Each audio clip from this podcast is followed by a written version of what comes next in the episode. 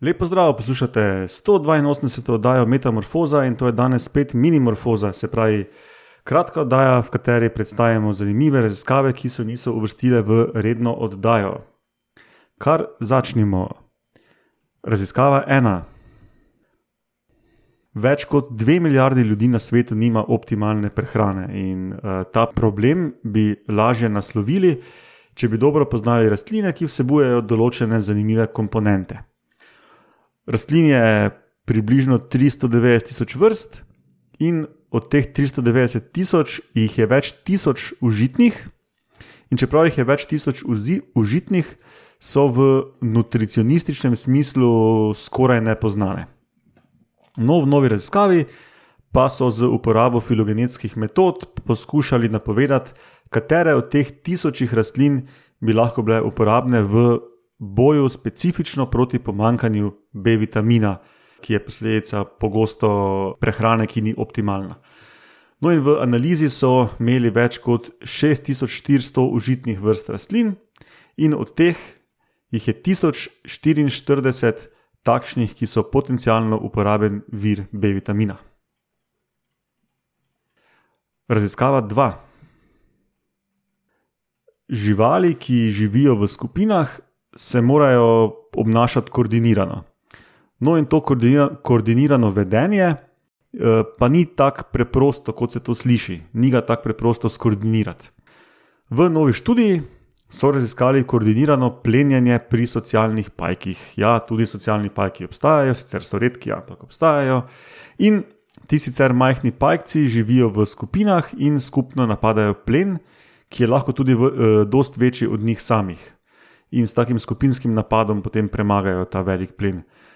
No, in raziskovalci so pokazali, da pajki sinhronizirajo svoje vedenje po enem enostavnem algoritmu in sicer glede na to, kdaj se premikajo ostali pajki v skupini in kdaj se premika plen, in glede na to, kako močne so vibracije uh, ostalih pajkov in plena. Raziskava 3. Udavi oziroma boje so velike kače dobro poznane po tem, da svoj plen zadavijo z zvijanjem telesa. Ampak, če si predstavljate, bi tako močno zavijanje in stiskanje telesa moralo prekiniti eh, ne samo dihanje plena, ampak tudi dihanje kače. No, in v novi raziskavi so se lotili prav tega vprašanja, kako lahko udavi dihajo, medtem ko davijo plen. In ugotovili so, da so te kače tekom evolucije razvile tako imenovano modularno dihanje, kjer pa bolj kot ne gre za to, da lahko med krčenjem mišic in reber enega dela telesa še vedno razširijo rebra in pljuča v drugem delu telesa. Z drugimi besedami, to pomeni, da ko kača davi plen z enim delom telesa, še vedno lahko vdihne z drugim delom telesa. Raziskava 4. Če pomislite, na kak način slišijo živali, ki jih poznate, pridete do enostavnega sklepa, da je sluh pri živalih nekako omejen na posebne organe, ki so narejeni iz posebnih tkiv, ne? to so ušesa. No, v novi raziskavi pa so pokazali, da so pajki v tem pogledu izjema. Slišijo namreč lahko preko svojih mrež, ki seveda niso del njihovega telesa, niso organi. Ne? In sicer slišijo preko vibracij Eh, preko vibracij na mreži uh, zaznajo zvoke. In še raziskava pet. Ribe so znane po tem, da so v poznavanju števil podobne ostalim vretenčarjem. Raziskave so naprimer pokazale, da ostrižniki in skati prepoznajo majhne količine brez štetja. To pomeni, če si predstavljate nas, ljudi, sedimo za mizo in imamo recimo štiri jabke v skledi na mizi, samo s pogledom v to skledo veste, da imamo štiri jabolka in to znajo tudi ribe.